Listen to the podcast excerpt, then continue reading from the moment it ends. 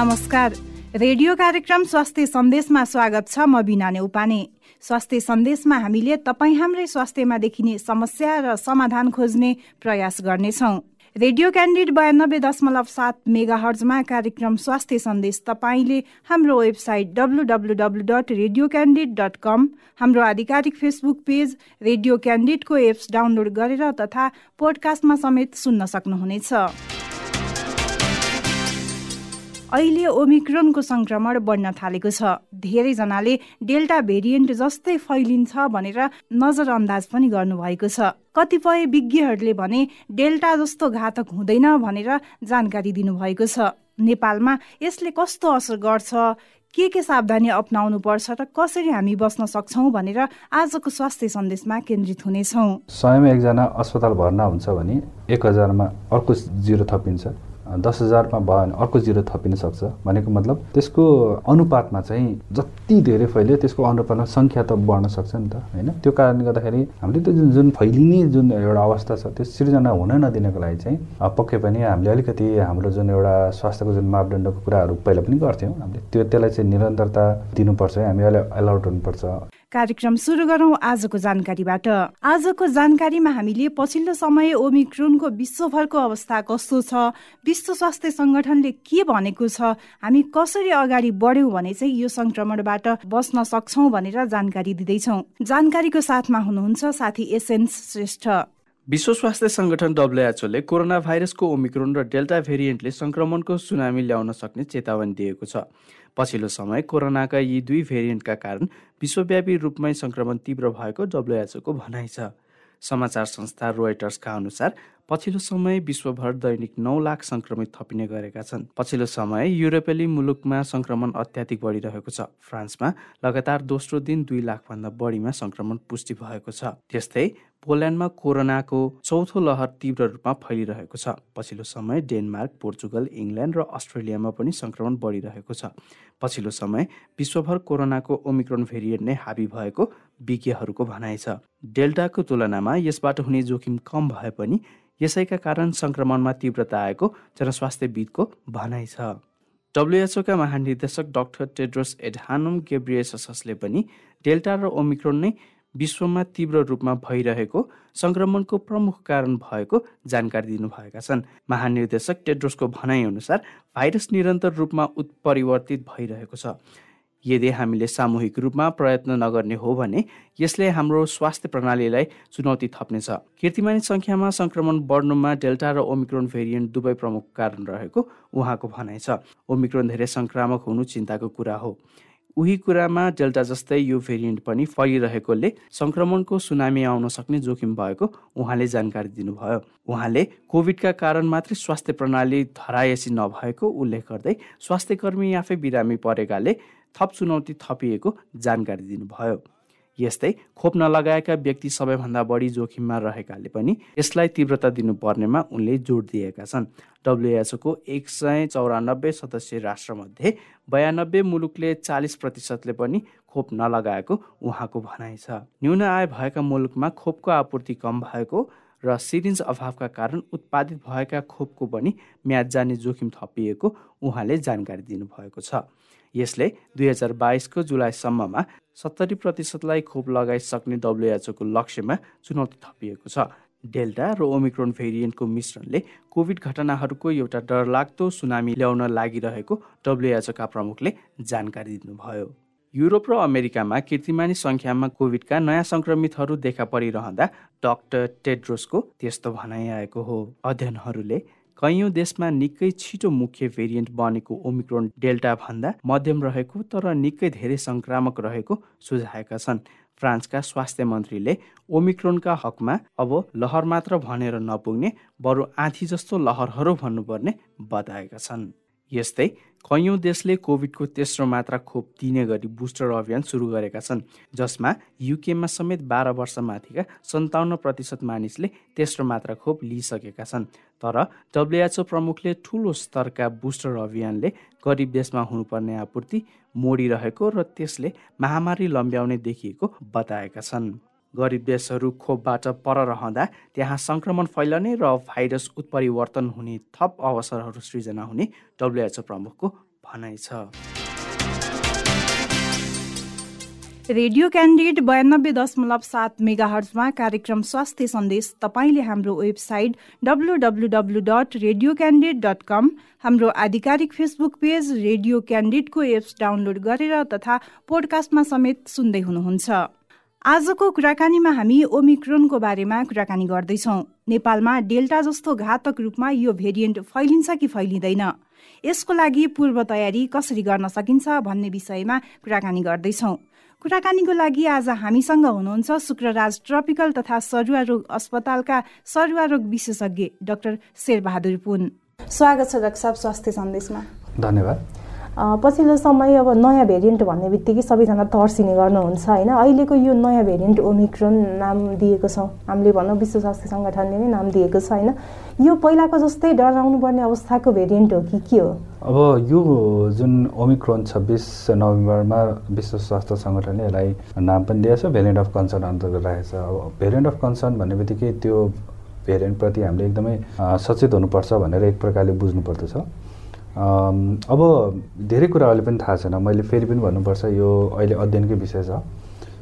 पछिल्लो समयमा सरसर्ती हेर्दाखेरि अलिकति यो छिटो छिटो भने के भन्दा भन्दाखेरि चाहिँ डेल्टा भन्दा पनि। डेल्टा त हामीले भइसकेका छौँ।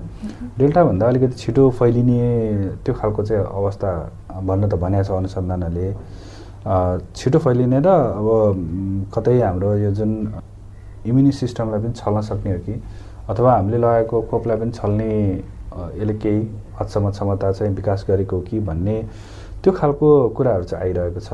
तर पनि अब यो मेरो आफ्नो प्रारम्भिक अब्जर्भेसन हो। नेपालमा दुईजना ओमिक्रोन चाहिँ प्रमाणित भयो र त्यस उसँग कन्ट्याक्टमा रहेका छैसठीजनाकोमा चाहिँ नेगेटिभ देखियो। अब यसलाई छिटो फैलिने भन्ने कि नफैलिने भन्ने? जस्तै एउटा मेरो प्रश्न मात्र हो। यद्यपि फेरि विश्वमा यो फैलिरहेको छ भन्ने छ।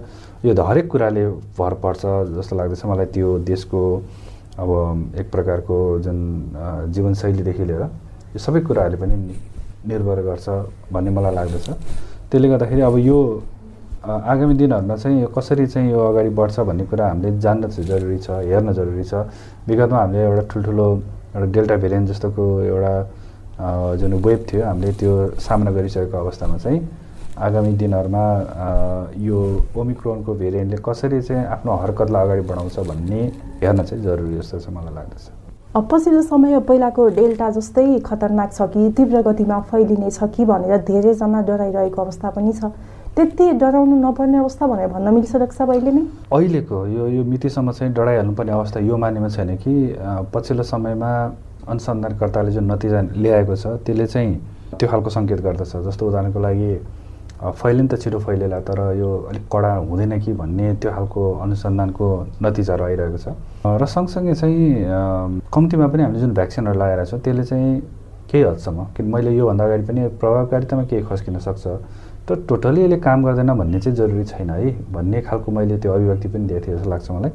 र वैज्ञानिकहरूले त्यो कुरालाई अब अहिले आजको मितिमा त्यही कुराहरू दोहोऱ्याइरहेको देख्छु मैले। र नेपालमा खोपले एउटा निरन्तरता पाइरहेको अवस्था छ। त्यो कारणले गर्दाखेरि डेल्टा भेरिएन्टको बेलामा चाहिँ हामीले धेरैले चाहिँ खोप लाउनु पाएको अवस्था थिएन। त्यो चाहिँ एउटा म स्मरण गराउन चाहन्छु। त्यो कारणले पनि हामीले अलिकति ठुलो एक प्रकारको अवस्था चाहिँ हामीले एउटा च्यालेन्ज भनौँ चुनौती चाहिँ फेस गर्नु परेको थियो।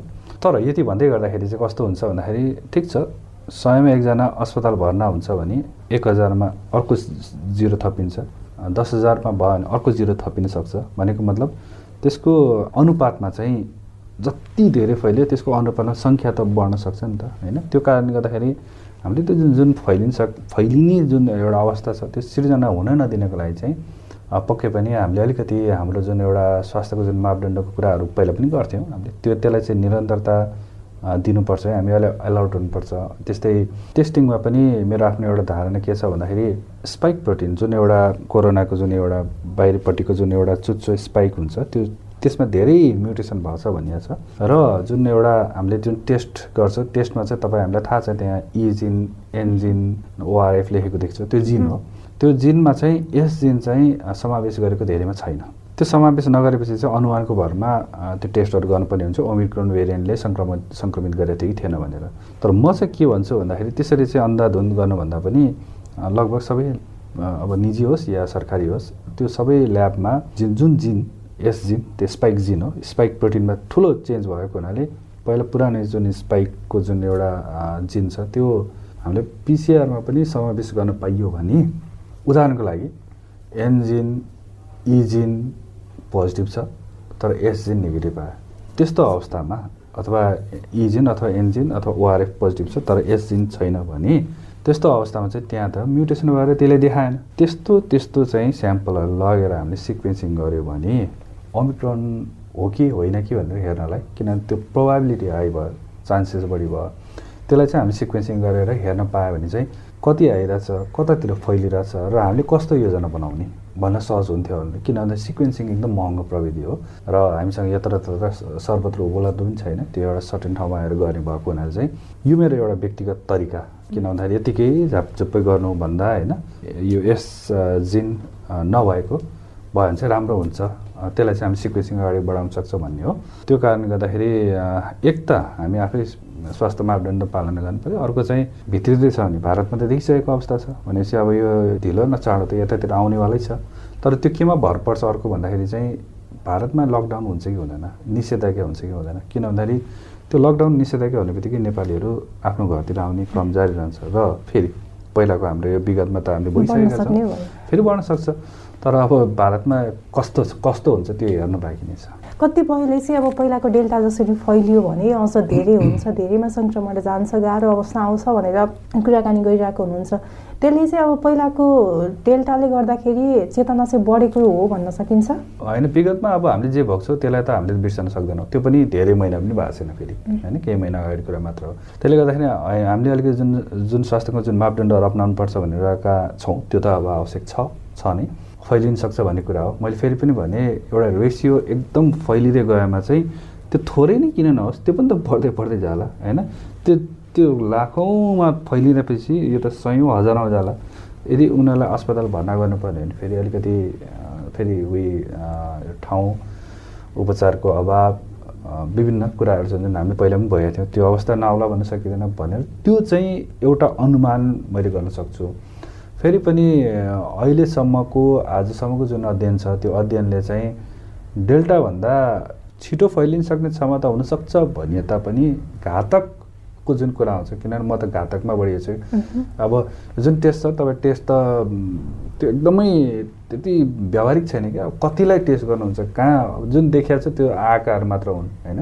त्यो कारणले गर्दा त्योभन्दा पनि हाम्रो यो जुन एउटा मृत्यु हुने जुन एउटा सम्भावना अस्पताल भर्ना हुने जुन सम्भावना छ त्यसलाई चाहिँ हामीले त्यो त्यो भाइरसले अघिल्लो भाइरसभन्दा बढी छ कि घटी छ भनेर अलिकति चासो र त्यही अनुसार हामीले अलिकति यो योजना अनुमानहरू गर्दाखेरि अझ राम्रो हुन्थ्यो कि भन्ने मलाई लाग्यो।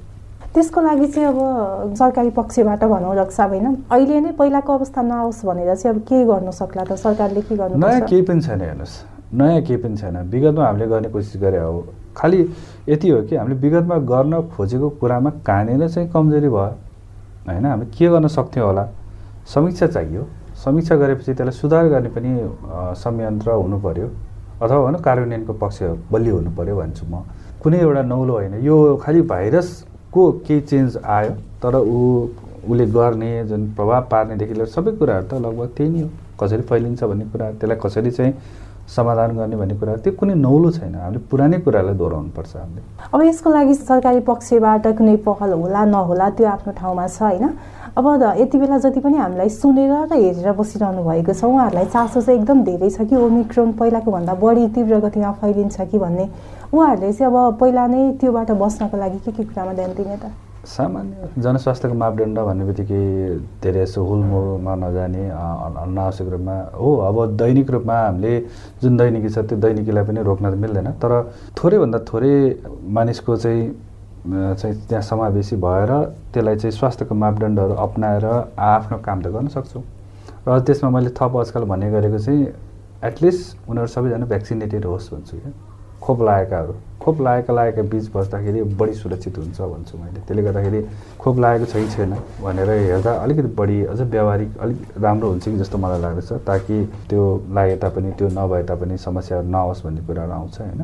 त्यसले गर्दाखेरि यो जुन एउटा जुन एउटा अहिलेको यो नयाँ हामीले सोच्नुपर्ने जुन भ्याक्सिनको लगाएको र नलगाएको भन्ने कुरा त्यति त छैन। हामीले जनस्वास्थ्यकै मापदण्डलाई बढी गरेको छौँ। यसमा मेरो आफ्नो पर्सनल थप चाहिँ कुनै कार्यक्रम या कुनै त्यस्तो छ भने वेदर दे आर भ्याक्सिनेटेड अथवा उनीहरू चाहिँ भ्याक्सिन लगाएका हुन् कि होइनन् भनेर त्यसरी चाहिँ त्यो त्यो एउटा थप सबल पक्ष हुन्थ्यो कि मास्क त लगाउँछौँ हामीले दूरी त कायम गर्छौँ होइन? त्यस्तै अनि फेरि हामीले यो जमघटहरूमा कमी ल्याउला। त त्यसमा पनि यदि के गरे चाहिँ हामीले खोपलाई पनि थप विचार गर्न सक्यो भने चाहिँ मेरो विचारमा एउटा राम्रो पक्ष आउँछ कि जस्तो चाहिँ मलाई लाग्दछ। खोपको कुरा निस्किहालेको छ होइन मैले यसैमा जोडिहालेँ। कतिपयले सुरुमा नै लगाउनु भएको छ दुवै डोज लगाएर अहिले समय पनि धेरै भइसकेको छ। अब कतिपयले भर्खर भर्खर लगाउँदै पनि हुनुहुन्छ होइन। त्यो पहिलो लटमा नै नेपालमा जुन बेला लगाउनु भयो नि खोप त्यो बेलामा खोप लगाउनेहरूले चाहिँ यति बेला काम गर्दैन भन्ने हल्ला पनि छ। यसमा कतिको सत्यता छ? अब यो पनि एउटा अनुसन्धानको विषय हो। खास गरी चाहिँ अमेरिका लगायत विभिन्न देशहरूमा थप डोज अथवा बुस्टरको कुराहरू अगाडि बढेको कारण त्यो हो। एउटा कुरा के रहेछ भन्दाखेरि भएको कुरा चाहिँ हामीले जुन एउटा एन्टिबडीको जुन लेभल छ त्यो लेभल चाहिँ घट्दो रहेछ। मेरो पनि घटाएको छ। अझ वास्तव भन्ने मेरो छैन भने नि हुन्छ होइन? त्यसले गर्दाखेरि यो हुँदो रहेछ। हामीहरूको जुन स्वास्थ्य कर्मीको यो तथ्याङ्क मैले हेर्दा एक तिहाईको चाहिँ छैन। अथवा त्यो बेला लगाएको थियो अहिले चाहिँ छैन। यसको मतलब चाहिँ अब थोरैको नबनेको पनि होला तर धेरैको त अब फेरि घटेको नै होला होइन? अब किनभने त्यो तुरन्त त्यो बेला चेक त गरेनौँ। एउटा सङ्केत त्यो छ। अब हामीलाई के अप्ठ्यारो छ भन्दाखेरि एन्टिबडी नहुँदाखेरि चाहिँ हामी समस्यामा पर्ने हो कि होइन भन्ने कुराहरू छ होइन? तर यो पनि थाहा छैन कि जस्तो फर इक्जाम्पल मेरो एन्टिबडी त घट्यो। तर घट्ने बित्तिकै एमआई रियली एट रिक्स मलाई लाग्ने बित्तिकै म त्यसै भर्ना हुने हो त। यो पनि थाहा छैन। किन भन्दाखेरि हामीले यो हामीले यो बारेमा बढी बहस गरेको छैन कि त्यसपछिको सेकेन्ड डिफेन्स लाइन्स भन्छ हामीले। त्यो भनेको एन्टिबडी पछि अर्को एउटा लाइन हुन्छ जसले चाहिँ हाम्रो यो रोगसँग लड्नलाई मद्दत गर्छ। त्यो भनेको चाहिँ टी सेल्स बी सेल्स भन्ने तपाईँ हामीले सुन्नु पक्कै पनि भएको होला। त्यो सेल्सले पनि त्यो पुरानो त्यो आएको उसको चाहिँ याद गरेर आउँछ मेमोरी सेल अनि त्यसले चाहिँ तुरन्त आउने बित्तिकै एट्याक गर्ने हो। अथवा यसरी बुझौँ कि अस्पताल भर्ना हुने र मृत्यु हुने सम्भावनालाई त्यसको पनि रोल हुन्छ है भन्ने कुराहरू छ होइन। त्यसले गर्दाखेरि चाहिँ यो जुन एउटा हामीले अझ पनि धेरै नबुझेको चाहिँ बाँकी छ। तर फेरि पनि अब एन्टिबडी नभएपछि कतै फेरि समस्या आइहाल्ने कि भन्ने छ। अहिले पछिल्लो समयमा अहिले के हेर्दाखेरि चाहिँ तिन चार महिना पछि लगाएको दोस्रो डोज लागेको तिन चार महिनापछि चाहिँ अलिकति ज्येष्ठ नागरिकलाई अस्पताल भर्ना हुनु परेको। अथवा मृत्यु हुनु परेको केही यो पूर्व सङ्केत मैले पाएको छु। त्यसले गर्दाखेरि अब यदि केही गरी चाहिँ अब यदि केही गरी थप डोज लाउनु पर्ने एडिस यो बुस्टर डोज लाउनु पर्ने अवस्था हो भने चाहिँ कम्तीमा नि त्यो उमेरकाहरूलाई खोप दिएर सुरुवाती गर्ने कि यद्यपि त्यो भनेको मतलब फेरि जुन एउटा पहिल्यैदेखि नै खोप लाउन नपाएकाहरू त एउटा फेरि लाखौँको सङ्ख्यामा छ। उनीहरूलाई निरन्तरता दिनै पर्छ रोक्नु हुँदैन। किन भन्दा हामीलाई के थाहा छ भने ठुलो सङ्ख्यामा चाहिँ भ्याक्सिन लगायो भने चाहिँ अस्पताल जानुपर्ने सम्भावना धेरै कम हुन्छ। त्यस्तै भर्ना हुने सम्भावना कम हुन्छ भनेर त्यसरी चाहिँ भनिएको छ। त्यो त हामीले ठुलो समूहलाई त लग्नै पर्यो। तर अब अब समय क्रमअनुसार यदि केही गरी चाहिँ समस्या आउँदै जाने रहेछ भने त्यो एउटा सानो जुन समूह छ नि अहिले मैले चाहिँ एउटा ज्येष्ठ नागरिक कुरा अरे किनभने अनुसन्धान बाँकी नै छ र हामीले चाहिँ छ सात महिना पार गर्दैछौँ। हामीभन्दा अगाडि त विदेशीले पार गरेर उनीहरूले नयाँ नयाँ नीतिगत निर्णयहरू गर्दै गइरहेछ। त्यो त्यो चाहिँ बेस्ड अन भनौँ आधार चाहिँ अनुसन्धानै भयो। तर मैले हेर्दाखेरि चाहिँ यहाँ अलिकति ज्येष्ठ नागरिकहरूलाई बिस्तारै समस्या पर्न खोजिया हो कि? पूर्व सङ्केत मैले यो भने। त्यसले गर्दाखेरि चाहिँ यदि त्यस्तो अवस्था हो भन्यो भने चाहिँ यतातिर हामीले ड्राइभ गर्दै गर्दा भ्याक्सिनलाई नियमित दिँदै गर्दाखेरि चाहिँ यता साइडपट्टि चाहिँ जुन एउटा ज्येष्ठ नागरिकहरू हुनुहुन्छ उनीहरूलाई चाहिँ हामीले कमसेकम यो दिन सकिन्थ्यो कि? अथवा अब साँच्चै नै त्यसले गर्दा मरिरहेको भने त बचाउनु पऱ्यो नि त। अर्को डोज लगाएर भए पनि होइन। त्यो एउटा चाहिँ छ।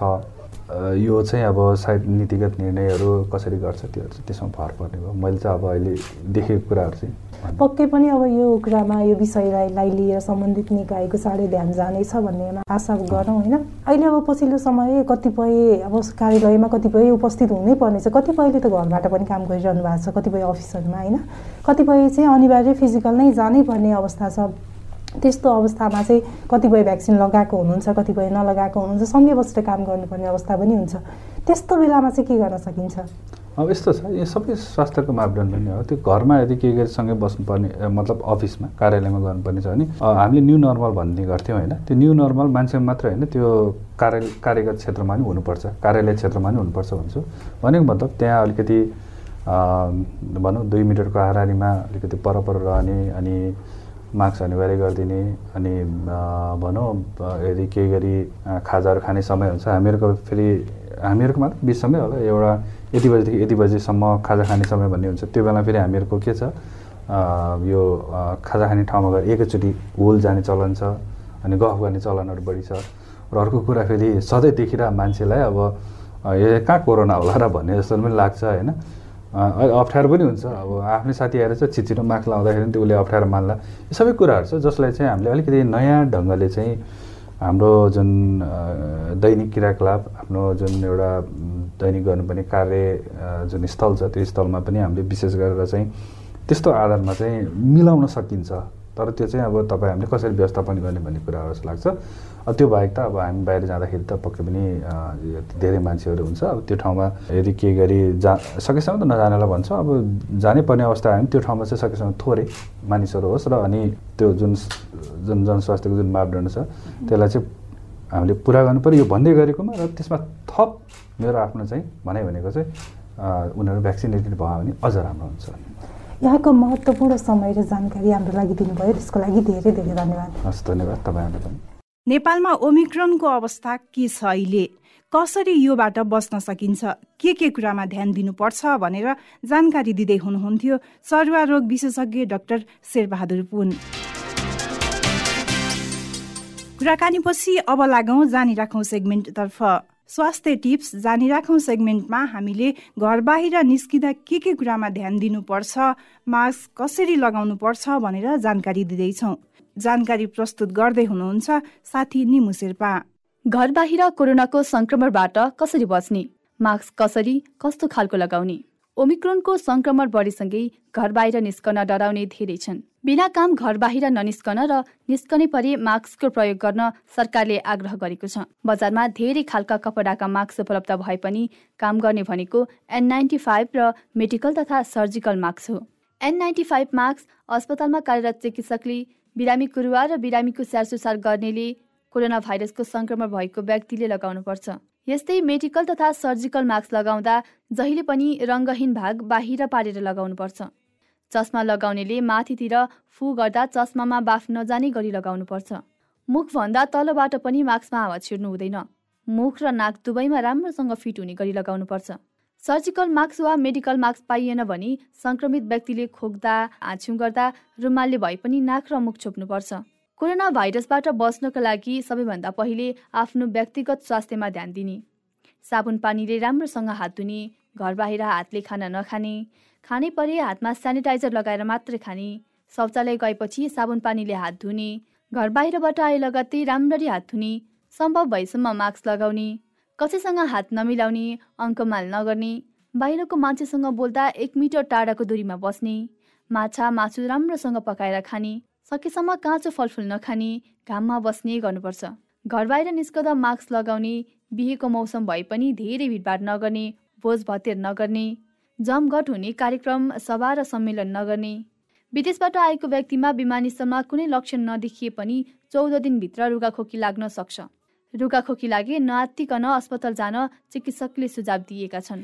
घर बाहिर निस्किँदा ओमिक्रोनबाट हामी कसरी बस्न सक्छौँ के के कुरामा ध्यान दिनुपर्छ भनेर जानकारी दिँदै हुनुहुन्थ्यो निमु शेर्पा।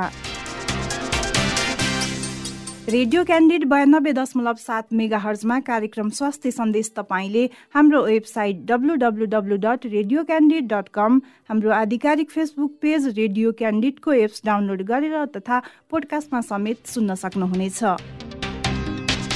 रेडियो कार्यक्रम स्वास्थ्य सन्देश तपाईँलाई कस्तो लाग्यो? हामीलाई सल्लाह सुझाव र प्रतिक्रिया दिन नभुल्नुहोला। त्यसको लागि हाम्रो ठेगाना हो। कार्यक्रम स्वास्थ्य सन्देश रेडियो क्यान्डिड बयानब्बे दशमलव सात मेगा हर्ज काठमाडौँ। यस्तै हामीलाई हाम्रो फेसबुक पेजमा म्यासेज तथा इमेल ठेगाना radio candid ninety two point seven eight the rate Gmail dot कममा मेल गर्न सक्नुहुनेछ। हवस् त। नियमित कार्यक्रम स्वास्थ्य सन्देश भोलि यही समयमा फरक विषयवस्तुका साथ उपस्थित हुनेछौँ। कार्यक्रम अवधिभर प्रविधिमा साथ दिने सृजना भुजेल सहित कार्यक्रम स्वास्थ्य सन्देशबाट बिना नेउपाने बिदा हुन्छु। नमस्कार।